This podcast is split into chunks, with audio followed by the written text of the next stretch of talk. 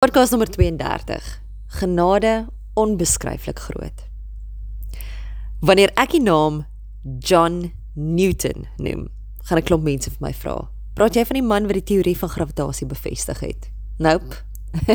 Dis Isaac Newton. Kom ek vra eerder so.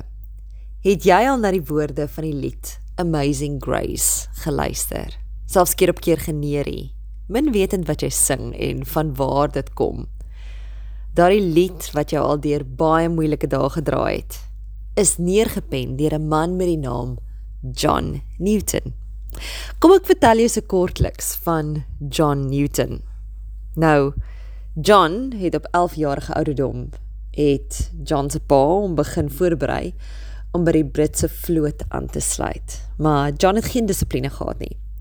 Hy het met minagting teenoor gesag opgetree en sy Christelike mede en bemanningslede gespot.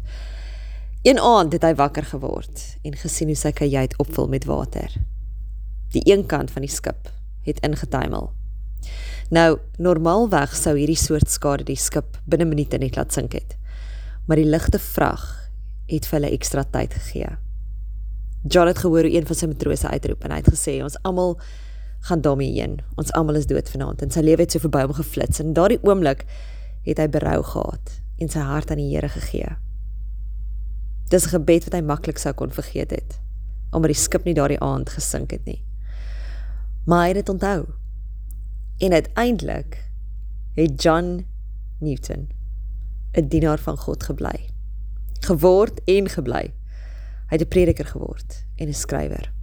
John Newton Ek dink aan soos Paulus sê, aan my is dit die onverdiende goedheid gegee om die onmeetlike rykdom van Christus te verkondig.